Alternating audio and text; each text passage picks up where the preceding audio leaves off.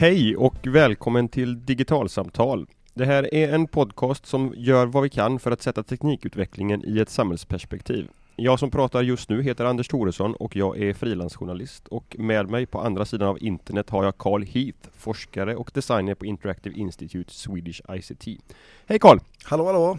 Idag ska vi prata plattformar va? Ja, eh, vi, förra avsnittet utav Digitalsamtal handlade om lösenord och hur man ska hantera lösenord på ett bra sätt. Och vi kom in på någonting som kallas för Single Sign-On och eh, som handlar om hur man kan använda ett ett konto på, som man har på ett ställe för att logga in någon annanstans. Och en, ett företag som tillhandahåller den här funktionen är ju Facebook.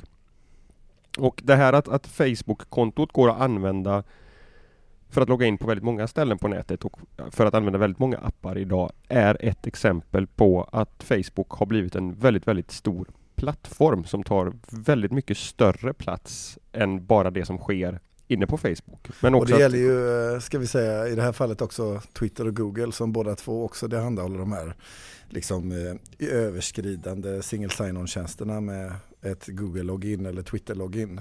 Så alla de tre skulle vi kunna kalla för liksom stora breda plattformar i det här sammanhanget. tänker jag. Absolut.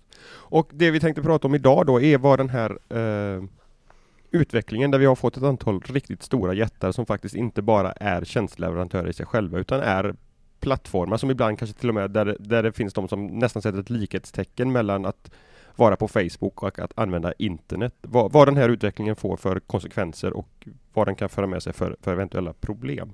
Men vi vill också liksom poängtera från början att det här är ju också en utveckling som har haft väldigt mycket positivt med sig. Att, att, Facebook är en fantastisk tjänst där vi kan kommunicera med våra nära och kära är det ju liksom inget tvekan om och att försöka ha fått fram en sån här tjänst på ett annat sätt genom standardiseringsarbete och så vidare hade antagligen inte inte gått, eller åtminstone inte lika fort som Facebook har lyckats etablera sig. Utan det här är en utveckling som måste drivas utav ett, ett kommersiellt företag. När, när du och jag började Eh, spåna på det här avsnittet så landar vi i att ja, det kommer ju vara ett ganska tungt kritiskt avsnitt på många sätt. Med, eh, liksom, just med de utmaningar som de här plattformarna har. Eh, men sen landar vi också i att ja, men vi använder ju allihopa av dem och de skulle vara svåra att vara utan för att kunna liksom sända den här podden eller vad som helst. Så även om det just den kommande halvtimmen eller så kommer handlar om rätt mycket kritik så är, finns det ju många sidor av det här myntet som vi säkert lyfter i tusen en andra sammanhang också. Ja men så är det ju absolut. Jag tänkte bara ta ett, ett litet kort exempel på vad den här inlåsningseffekten som, som uppstår eh, kan handla om. Och, och, I mobiltelefons barndom Eh, så mobiltelefonins barndom så, så var det väldigt problematiskt att byta från en operatör till en annan därför att man fick inte ha med sig sitt mobiltelefonnummer när man bytte. Utan vill man byta från operatör A till operatör B så var man också tvungen att uppdatera hela sin vänskapskrets om vilket nytt telefonnummer man hade fått. Och det här tyckte PTS var ett problem och införde därför det som kallas för nummerportabilitet vilket gör det idag möjligt att man kan hoppa fritt mellan kontantkort och abonnemang mellan Comvik och eh, Telia och behålla det telefonnummer som man har. Och den här eh, effekten går ju också att uppnå på internet om vi pratar om e-postadresser. Där jag har många eh, bekanta som jag har eh, hjälpt igång med sina abonnemang hemma, bredbandsabonnemang. Och där de då har fått med bredbandsabonnemanget så hör det också en specifik e-postadress till eh, abonnemanget och då operatörens domännamn. Vilket innebär att man blir inlåst här. Eh, lösningen på det här när det gäller e-post är att skaffa ett eget domännamn. Jag har toresson.net till exempel, så det går att mejla mig på anders.toresson.net och det innebär att jag inte är inlåst till en specifik internetleverantör, en viss tjänsteleverantör för min e-post, utan jag, jag, kan välja den tjänsteleverantören som jag tycker är bra.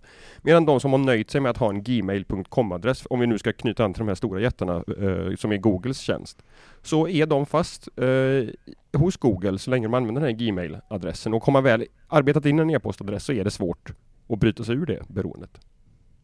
Och det här gäller ju såklart väldigt många olika typer av tjänster som vi kastar oss in oss i på nätet. Men, men just de här stora plattformarna de har ju också en tendens att eh, knyta an oss på så många olika typer av sätt. Och, eh, en, ja, det går ju att prata om många utmaningar med liksom vad det här ställer till med. Och ett av skälen till att vi valde att lyfta frågan om just plattformar nu det är för att det Eh, de senaste månaderna har dykt upp ett antal exempel som har problematiserat och eh, satt den här ut, utmaningarna i fokus. Och, för det är lite grann så att eh, vår offentliga diskussion i eh, Sverige, eh, den eh, sker ju såklart på gator och torg och bibliotek och på arbetsplatser och runt om i, i samhället.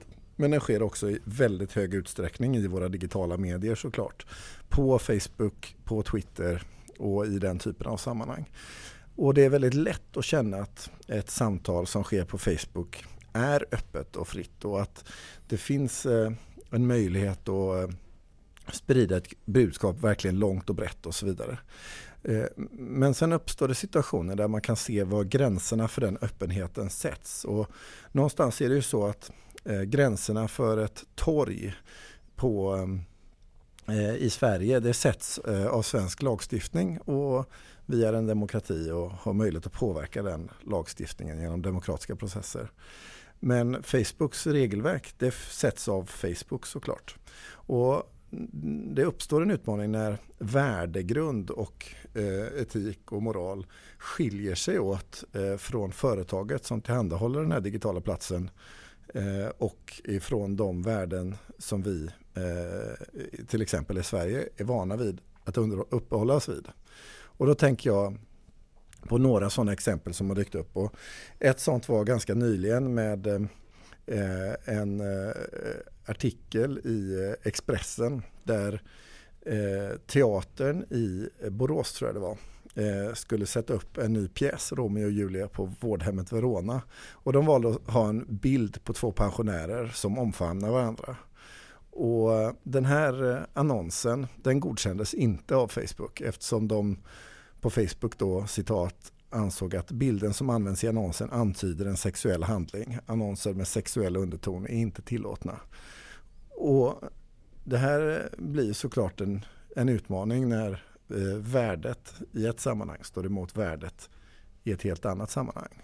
Och det finns många andra exempel eh, som är likartade. Det var Eh, för något halvår sedan en tysk fotograf som eh, tog ett eh, foto som uppmärksammades ganska mycket. En konstnär. Han valde att ta ett foto på sig själv sittandes i en fåtölj med en eh, halvnaken kvinna bakom sig. I fåtöljen så satt han med en skylt och på skylten så var det ett eh, hat, eh, eh hate speech budskap av något slag. Och så postade han bilden på Facebook och bilden blev nerplockad ifrån Facebook. Inte på grund av hatet på skylten utan på grund av de nakna brösten. Som ett sätt då att eh, väcka eh, en diskussion. Och eh, här någonstans så uppstår liksom eh, samtal som verkligen är på gränsen mellan eh, vad som är den ena typen av etik eh, och vad som är företagsetiken eh, och företagsmoralen som man kan hitta i från Facebook och som liksom accentuerar där den här eh, plattformens gränser någonstans finns. Och då tänker jag att hur, om man skulle liksom ge sig på Anders och försöka beskriva eh, hur, liksom, vad är de egentliga gränserna eller skillnaderna eller så mellan att liksom ägna sig åt att befinna sig i ett sånt här slutet system eh, jämfört med det öppna internet. För det finns ju många olika, jag menar, nu har vi pratat om Facebook men Google har ju ett sökplattformsmonopol eh, i Europa i hög grad. Bing och DuckDuckGo och så är ju väldigt små perifera tjänster egentligen här. Eh, och Apple och Google har ju också en slags plattformsmonopol med deras App Stores. Eh, och, men om man skulle försöka liksom bena lite grann i just liksom vad som, vad man, hur man kan definiera det öppna internet jämfört med de här plattformarna och stängda systemen. Hur, hur tänker du om det? Nej men absolut, och det, det här kommer ju tangera en diskussion eh, som också förs just nu kring, kring det här med nätneutralitet och vad nätneutralitet är. Och det är ju någonting som vi tänker återkomma till i senare avsnitt utav digitalsamtal. Men det, det handlar ju om att internet från början, det är eh, ett en ganska dum infrastruktur som, som är duktig på att flytta data från en punkt i världen till en annan punkt i världen och inte tar särskilt stor hänsyn till vad den här datan innehåller överhuvudtaget. Och från början då så var det ju så att man, så länge du kunde koppla upp din dator till internet så kunde du antingen ta del av den informationen som fanns där eller publicera det själv i form utav eh, ja, World Wide Web då, eh, som, som väl är det största och bästa exemplet på vad som faktiskt är möjligt på internet. Men e-post är ju också ett sådant exempel eh, som också är ett helt öppet system där vem som helst kan bidra och delta på, på lika villkor. Du menar att liksom jag kan dra igång en e-postserver och sända e-post från mitt håll och du kan göra det på ditt håll och du kan inte stoppa mig och jag kan inte stoppa dig? Nej, precis. Uh, och det, det, som händer då, det, det som många hävdar är framgångsfaktorn bakom internets enorma tillväxt är ju just det här att det är ett, ett helt öppet nätverk där Spotify har inte behövt be, be någon om tillstånd för att få starta Spotify. Eh, Youtube har inte krävt något tillstånd. Inga tjänster har krävt några tillstånd utan, utan du kan via den här öppna infrastrukturen som internet är tillhandahålla vilken form av tjänst du vill till alla andra som är uppkopplade till samma öppna nätverk. Så länge den här tjänsten då faller inom lagens råmärken. Och sen finns det ju massa juridikproblem problem med vad som är lagligt på ett ställe och inte på ett annat och, och, så vidare. Men, men principen är ju den att internet är öppet och alla som kan ansluta sig till, ett, till en ofiltrerad internetanslutning, kopplad då till, till nätneutraliteten igen, eh, kan, kan också ta del av eller publicera en tjänst. Men där Facebook då, om vi fortsätter prata om Facebook, är en tjänst som ligger ovanpå internet som distribueras via internet och där Facebook själva då får en möjlighet att sätta gränserna för vilka regler som ska gälla på Facebook. Eh, vem som får bli medlem, vilka krav man kan ställa på den som blir medlem. Och så, som vi har pratat om här då, vad det är man får lov att publicera och inte publicera på tjänsten. Och det finns inget annat sätt att publicera sig på Facebook än genom att använda Facebook. Men får du problem med en, som jag sa förut, får du problem med en e-postleverantör och inte nöjd med vad den e-postleverantören tillhandahåller i form av funktion eller snabbhet eller antivirusfunktioner eller vad det är, då kan du, då kan du flytta ditt domännamn och därmed din e-postadress till en annan leverantör istället. Och, och någonstans så kan man ju tänka att liksom, ja men vad är Ja, visst, Facebook eh, eh, har regler och sådär som går lite emot eh, vad kanske jag tycker och sådär. Men blir de alldeles galna på Facebook så kommer ju folk lämna dem. Så vad är liksom, det kommer ju, finns ju en konsumentmakt där skulle man kunna skulle man kunna peka och det måste ju finnas andra alternativ att välja på. Det har ju gjorts eh, ganska många försök i det här laget, eller ganska många, men ett antal försök att, att starta öppna alternativ till Facebook. Men som faller på nätverkseffekten helt enkelt att alla finns idag på Facebook inom citationstecken och, och därmed blir det väldigt svårt för någon att, att konkurrera med Facebook. Eh, uh, Evgenij Morozov var ju inne på det på internetdagarna i höstas som, som vi också pratat om i ett tidigare avsnitt som vi kan länka till i show notesen. Att, att de här riktigt stora jättarna, det handlar inte längre bara om att kunna erbjuda en tjänst som är lika bra. Därför att de sitter också på en enorm skatt i form av de användarna de redan har och då handlar det inte bara om att användarna redan finns där utan all den data som användarna har lämnat ifrån sig i form av bilder som de har laddat upp och så vidare och de slutsatserna som de här tjänsteleverantörerna kan dra om användarna utifrån hur de använder tjänsten. Information som de hela tiden använder för att slipa sin tjänst, att bli bättre och bättre och tillhandahålla mer och mer utav det som användarna vill ha. Och det, där finns ett ytterligare ett ex intressant exempel tycker jag från i höstas kring vad som är tillåtet och inte tillåtet på Facebook. För de här exemplen som du tog upp som handlar om, om synen på sexualitet och, och hate speech och så vidare. Det, det, är exempel som, som återkommer om och om igen. Men, men i höstas så var det ett exempel med en välgörenhetsorganisation, har jag för mig att det var, i Storbritannien som jobbade, jobbar för forskning när det gäller eh, blindhet. Att, att eh, hitta metoder och så vidare för att ge folk synen tillbaka eller, eller eh, göra att processen mot blindhet går långsammare. Och de hade publicerat en, en ganska kort eh, filmsekvens om eh, hur det kan upplevas att vara blind på Youtube och så länkade de till den i sin Facebook-profil. Eller om de la upp den som en annons, jag, jag minns inte vilket nu. Men det här satte Facebook stopp för helt enkelt därför att innehållet här var för deprimerande. Facebook ska vara ett ställe som man kommer till för att bli glad och på gott humör. Och då tyckte de att den här filmen eh, levde inte upp till vad, vad användarna förväntade sig skulle finnas på Facebook och därför blev den stoppad. Och på det temat eh, kring eh, Facebook och eh, lycka så var det också en eh, eh, artikel som släpptes, nu är det ju, vad kan det vara, ett och ett halvt år sedan, eh, där det framkom att Facebook gör egna studier på just hur kan man göra för att eh, ens olika typer av känslolägen eh, kan vara så gynnsamma som möjligt när man är på Facebook. Och de gjorde ett experiment med ungefär 700 000 Facebook-användare utan att tala om det för användarna där de förändrade algoritmen i eh, nyhetsflödet som man har själva väggen på Facebook. Så att för halva gruppen så trycktes svagt negativa eh, postningar från vänner upp i flödet. Och för den andra halvan så trycktes svagt positiva eller positiva artiklar upp i flödet. Och sen analyserade Facebook eh, hur de här personerna som fått sitt flöde förändrat själva skrev. Och eh, vad de kunde se i sin studie då det var Eh, och de ville ut, undersöka det som eh, de väljer att kalla för emotional contagion. Och det de kunde se det var att jo, det är precis så. Om jag ser en massa negativa saker i mitt flöde då kommer jag också själv vara mer benägen att posta negativa saker. Och ser jag positiva grejer så kommer jag vara mer benägen att posta positiva grejer. Och den här studien gjorde de eh, utan att eh, vara tydliga med användarna att det här skedde. Eh, och förändrar på det sättet också användarnas beteenden. Så det är ju helt klart på det viset att de här plattformarna har en möjlighet att påverka och eh, förändra eh, användarna i deras uppfattningar om saker och ting. Även om det sker på en ganska subtil nivå.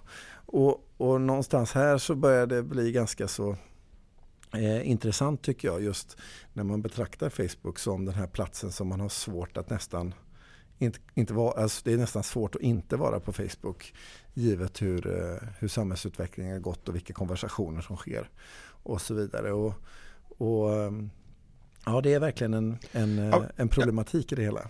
Ja men, men, precis som du säger så är det ju här någonstans som jag upplever att, att frågan blir riktigt brännande och intressant ur ett demokratiperspektiv. Därför att vi var inne på det också i, i avsnittet när vi pratade om, om personalisering utav internet, att, att var och en får ett internet som ser ut eh, lite annorlunda, som är skräddarsytt utifrån vi, vilka intressen jag, Anders Thoresson har och vilka intressen du, Carl Heath har och så vidare. Och, och det här är ju eh, beslut som fattas i realtid utav tekniken på de här tjänsterna hela tiden eh, utifrån de reglerna, de algoritmerna som utvecklare på respektive företag har utvecklat eh, en gång. Och DN hade en artikel i, i höstas om om Facebook och bland annat det här utvecklarteamet som jobbar med, med algoritmen som, som gör urvalet till, till Newsfeed. Och det handlar om 16 personer som jobbar med det här. Det är alltså 16 personer som sitter och har ett enormt inflytande över vad en och en halv miljard Facebook-användare får se när de loggar in på Facebook varje dag. Och den här maktkoncentrationen som det faktiskt blir när eh, det är en aktör som har ett antal algoritmer som styr vilket typ av innehåll vi får ta del utav och inte. Eh, alltså Facebook känns som ett stort företag men det, är, det, det kokar ner till att det är 16 personer som sitter och jobbar med det här utvecklingsarbetet dagligdags. Och liksom, vilken insyn finns det i hur, hur den här algoritmen fungerar? Ingenting överhuvudtaget, därför att det är affärshemligheter för Facebook, naturligtvis kan man tycka. Därför att för Facebook handlar det om att, att göra newsfeeden så attraktiv som möjligt så att vi som användare hela tiden återkommer till newsfeeden, för att det är där de säljer sina annonser, bland annat. Så Nej men absolut. Och, och, och det här skapar ju utmaningar på, på väldigt många plan. Och en sak man kan fundera över det är just att titta på liksom, hur ser maktkoncentration och maktdelning ut. Eh, om man tänker sig det öppna internet där eh, jag har möjlighet att sätta upp min egen webbsida på en egen server och eh, ha min egen e-post och så vidare.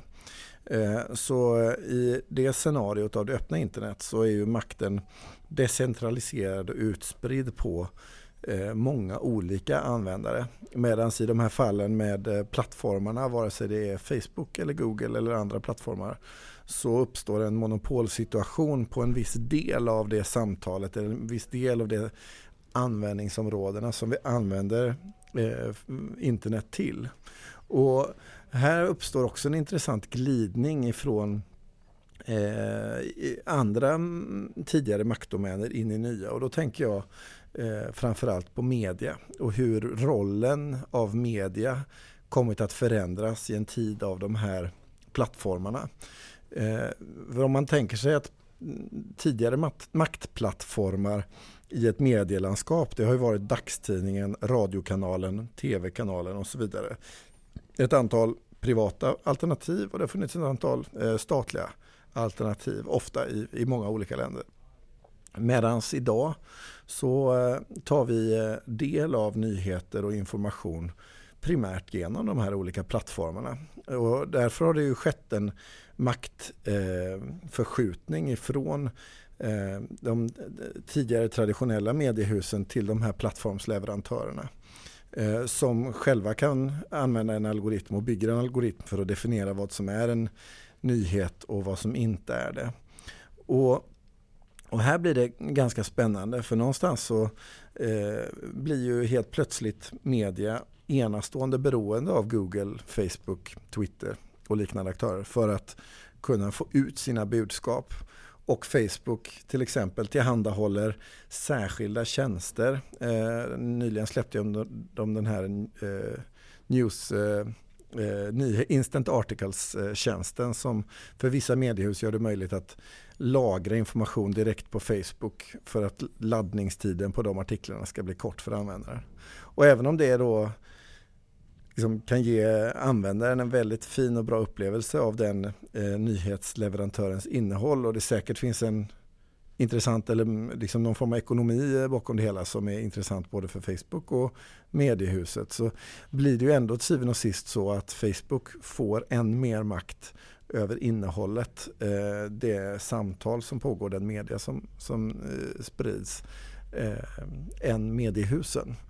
Och och här någonstans står vi i den här liksom förändringen eh, från en tid av mediehus till en annan tid av plattformsmiljöer. Eh, och, och, där det också kan vara ganska svårt att faktiskt se ens vilket mediehus det är som står bakom en nyhet. Vi har ju mycket sådana diskussioner i de här eh, idag kring just liksom, var kommer en nyhetsinformation ifrån och vad innebär källkritik i ljuset av att vi faktiskt är på de här plattformarna och inte på ett mediehus. Men det, det finns en annan intressant aspekt utav, utav det här också. Det är kampen mellan plattformarna i sig. I, i och med lanseringen utav iOS 9, den senaste operativsystemsversionen till Apples mobiltelefoner och surfplattor, så är det ju nu möjligt att installera någonting som kallas för eh, annonsblockerare i webbläsaren på, på sin mobiltelefon, vilket innebär att man kan rensa sajterna som man besöker från annonser, vilket för användaren ger en, en väldigt mycket mer behaglig användarupplevelse. det ska man säga, det har ju funnits eh, i våra browsers i datorn under en väldigt lång tid. Det, det, har det gjort, men, men, men, det intressanta är ju att andelen mobilt surfande har ju ökat jättemycket. Och ja, det innebär, men, men, men här ger då plötsligt eh, Apple med det här beslutet att till, tillåta innehållsblockerare på mobiltelefonen möjligheten för användarna att, att rensa bort annonserna från, från webben, vilket givetvis bland annat slår mot, mot Google som är jättestor annonsförmedlare på nätet. Medan det då för, för Apple potentiellt sett kan vara ett, ett sätt att driva annonspengarna till, till andra kanaler och deras egna då bland annat. Liksom. Nej men absolut, alltså det blir väldigt tydligt hur eh, alla de här aktörerna använder sin plattform och sitt sammanhang som ett sätt att, så att säga, förskjuta positionerna i sin egen affärsmodell. För menar, som vi vet så har ju Google affärsmodellen av annonsförsäljning och det har Facebook också. Medan Apple har en helt annan affärsmodell och på det sättet kan med sin plattform jobba med andra verktyg och andra gränser för att expandera sin yta. Och jag menar, det har ju, de har ju verkligen försökt att ta varandras eh, områden här. Google lanserade ju för några år sedan Google Plus som var tänkt att vara en slags plattforms eh, konkurrent inom sociala mediekontexten mot Facebook.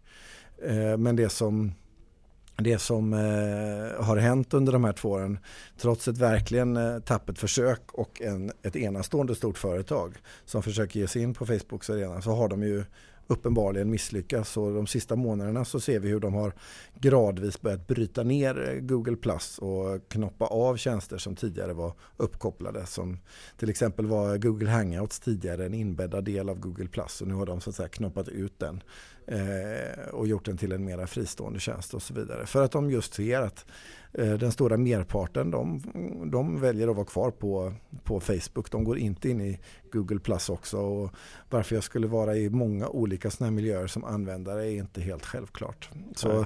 det finns ju en stor eh, komplexitet i det hela och en stor kamp som pågår mellan de här aktörerna också för att fånga oss i deras nät så mycket som det går. Ja men så är det absolut, men, men sen handlar det inte heller bara om de, de sakerna som vi varit inne på hittills, nämligen kontrollen över vad som får lov att spridas i de olika plattformarna och så vidare, utan det handlar också om robustheten i systemet som sådant. Alltså internet är fruktansvärt driftsäkert därför att det finns eh, många olika vägar för, som data kan ta och så vidare.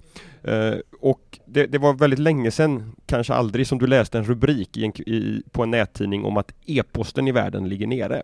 Däremot så fort Twitter eller Facebook har driftsproblem så, så blir det här rubriker i, på, på nättidningen att just nu ligger Twitter nere, kom och twittra hos oss istället hade Aftonbladet en puff bara för någon vecka sedan. Och ja, men, precis. Men, men, men, har du ett, ett system som, som är distribuerat och inte centraliserat så, så är det också mycket, mycket mer robust och driftsäkrare vilket också ger en, en en, en fördel i, i, i andra sammanhang ifall du verkligen måste ha fram information eller, eller så vidare. Och det är också så att eh, många av de här plattformarna, eh, de, eh, det blir liksom lite digitalt. Eh, åker du till Kina till exempel så är många av de här plattformarna helt enkelt inte tillgängliga. Eftersom, mm. eftersom de censureras av, eh, av staten. Och, så det, det, uppstår sårbarheter i att eh, lägga sin information. Och en annan utmaning kring dem det är ju sen hur jag får ut information ifrån dem. Och här har de olika tjänsterna haft ganska olika inställningar över tid till hur man gör för att hämta ut sin information om jag skulle vilja det ifrån en tjänst.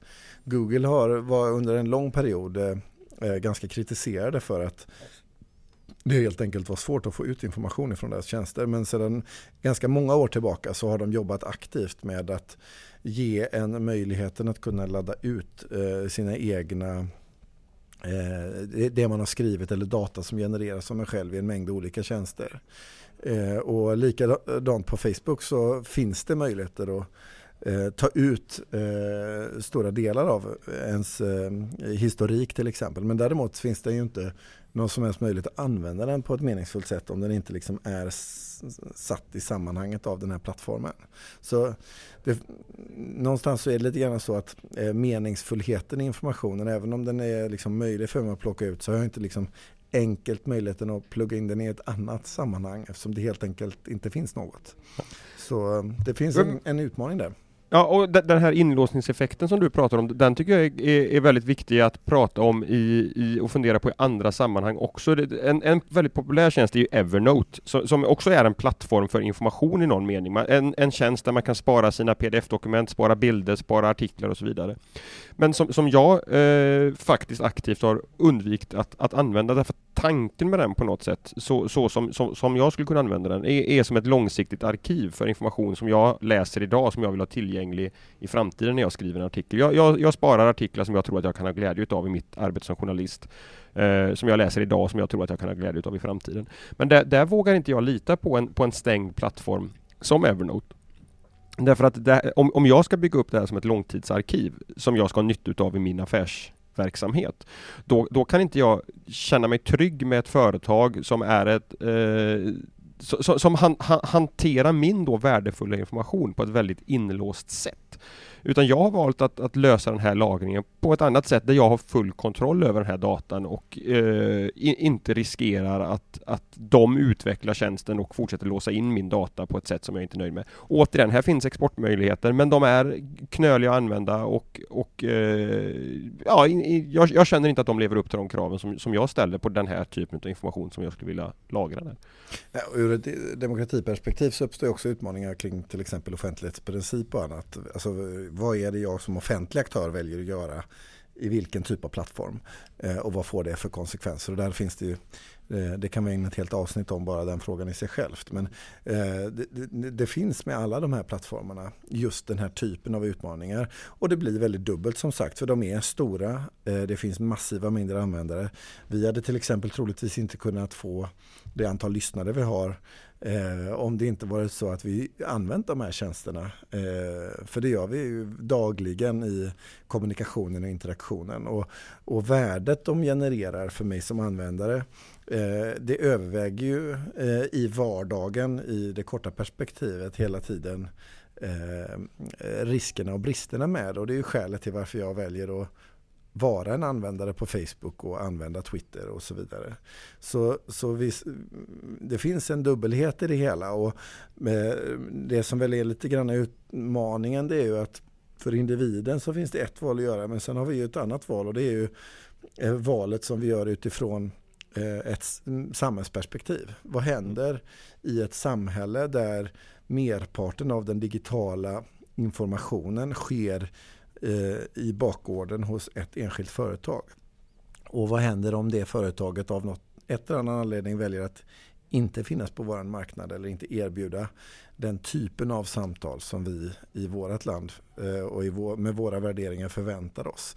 Här någonstans uppstår eh, brytpunkterna och utmaningen tänker jag om just de här plattformarna. Och vi har anledning att ha en kritisk ton till till dem allihopa när vi eh, använder dem och lever i dem och, och reflekterar aktivt över vad det innebär att eh, ha en relation till dem i sin vardag. Ja men, nej, men så är det ju absolut, men det här är också det som är, är svårigheten att förhålla sig till, det är just det som du säger att, att här och nu är nyttan för mig som individ jättestor med Facebook och, och alla de här andra sakerna som vi har pratat om. Men det är väldigt svårt att se hur kommer den här utvecklingen att, att se ut på ett par års skikt, sikt. Vad, vad, vad, är det för, för makt som vi egentligen lägger i händerna på, på de här? Eh, jag, jag, har under hösten gjort research om hur finansbranschen och försäkringsbranschen börjar använda data från, från sociala nätverk för att göra kreditbedömningar utav, utav personer som vill ta lån eller för att göra bedömningar av, av eh, försäkringsrisken man tar om man vill försäkra en viss person. Och här går det att säga väldigt mycket bara utifrån den data som finns tillgänglig öppet i sociala nätverk som Twitter och Facebook och, och, och så vidare. Men då kan man ju fundera på vad ett företag som Facebook eller som Google som har järnkoll på så mycket mer har för planer. Jag är helt övertygad om att de åtminstone sitter och leker rätt eh, avancerade lekar med vilka möjligheter de har att, att kliva in på de här olika eh, branscherna i form av försäkring och, och, och, bank till exempel utifrån att de har en sån otroligt stor kännedom om sina kunder. Nej men absolut och det uppstår ju också utmaningar just vad gäller eh, liksom, eh, frågan om nätneutralitet som du var inne på eh, inledningsvis. Alltså, Facebook har ju ett, en eh, eh parallell plattform som de kallar för eh, internet.org som är tänkt att vara en slags plats eh, som möjliggör och öppnar upp internet och där du kan tillhandahålla Facebook och ett antal andra tjänster utan kostnad. Ett slags liksom mini-internet som är skyddat men eh, kurerat och utvalt av Facebook. Och det här är en tjänst som har gått ganska bra i Afrika söder om Sahara på vissa ställen men i Indien har den stött på jättestora problem. Och, och här kan man se liksom hur eh, någonstans det finns en kamp mellan de här plattformarna och eh, att kunna ta liksom ytterligare marknadsandelar. Men, men just eh, frågan om nätneutralitet tror jag det får nästan bli ett eh, avsnitt i sig själv som vi har pratat om. Eller, eller vad tror det, du Anders? Det blir ett avsnitt i sig själv, absolut. Vi tar och sätter ett streck i dagens diskussion, eh, dagens digitalsamtal om plattformar. Eh, hör gärna av er med kommentarer, tankar och funderingar i Facebookgruppen Digital samhällskunskap där både jag och Karl finns. Eh, det går också att kontakta oss direkt om ni har frågor eller synpunkter synpunkter på podden som vi gör. Vill ni skicka ett mail till oss så är det podcast digitalsamtal.se som gäller och på Twitter heter vi digitalsamtal. Prenumererar du på podcasten genom iTunes eller någon annan plattform där det går att sätta betyg eller till och med recensera podden så gör jättegärna det för att vi vill ha fler lyssnare och fler kommentarer och fler uppslag till saker att prata om framöver. Och det ska vi säga för er som har eh, recenserat oss och skrivit eh, så jättefina saker i iTunes så blir vi superglada av att läsa era hejarop. Eh, det gör att vi blir pepp på att skriva fler och eh, tänka mer och göra fler poddar framöver. Så är det. Eh, och med det, tack för idag och tills nästa gång vi hörs. Hej då! Hej!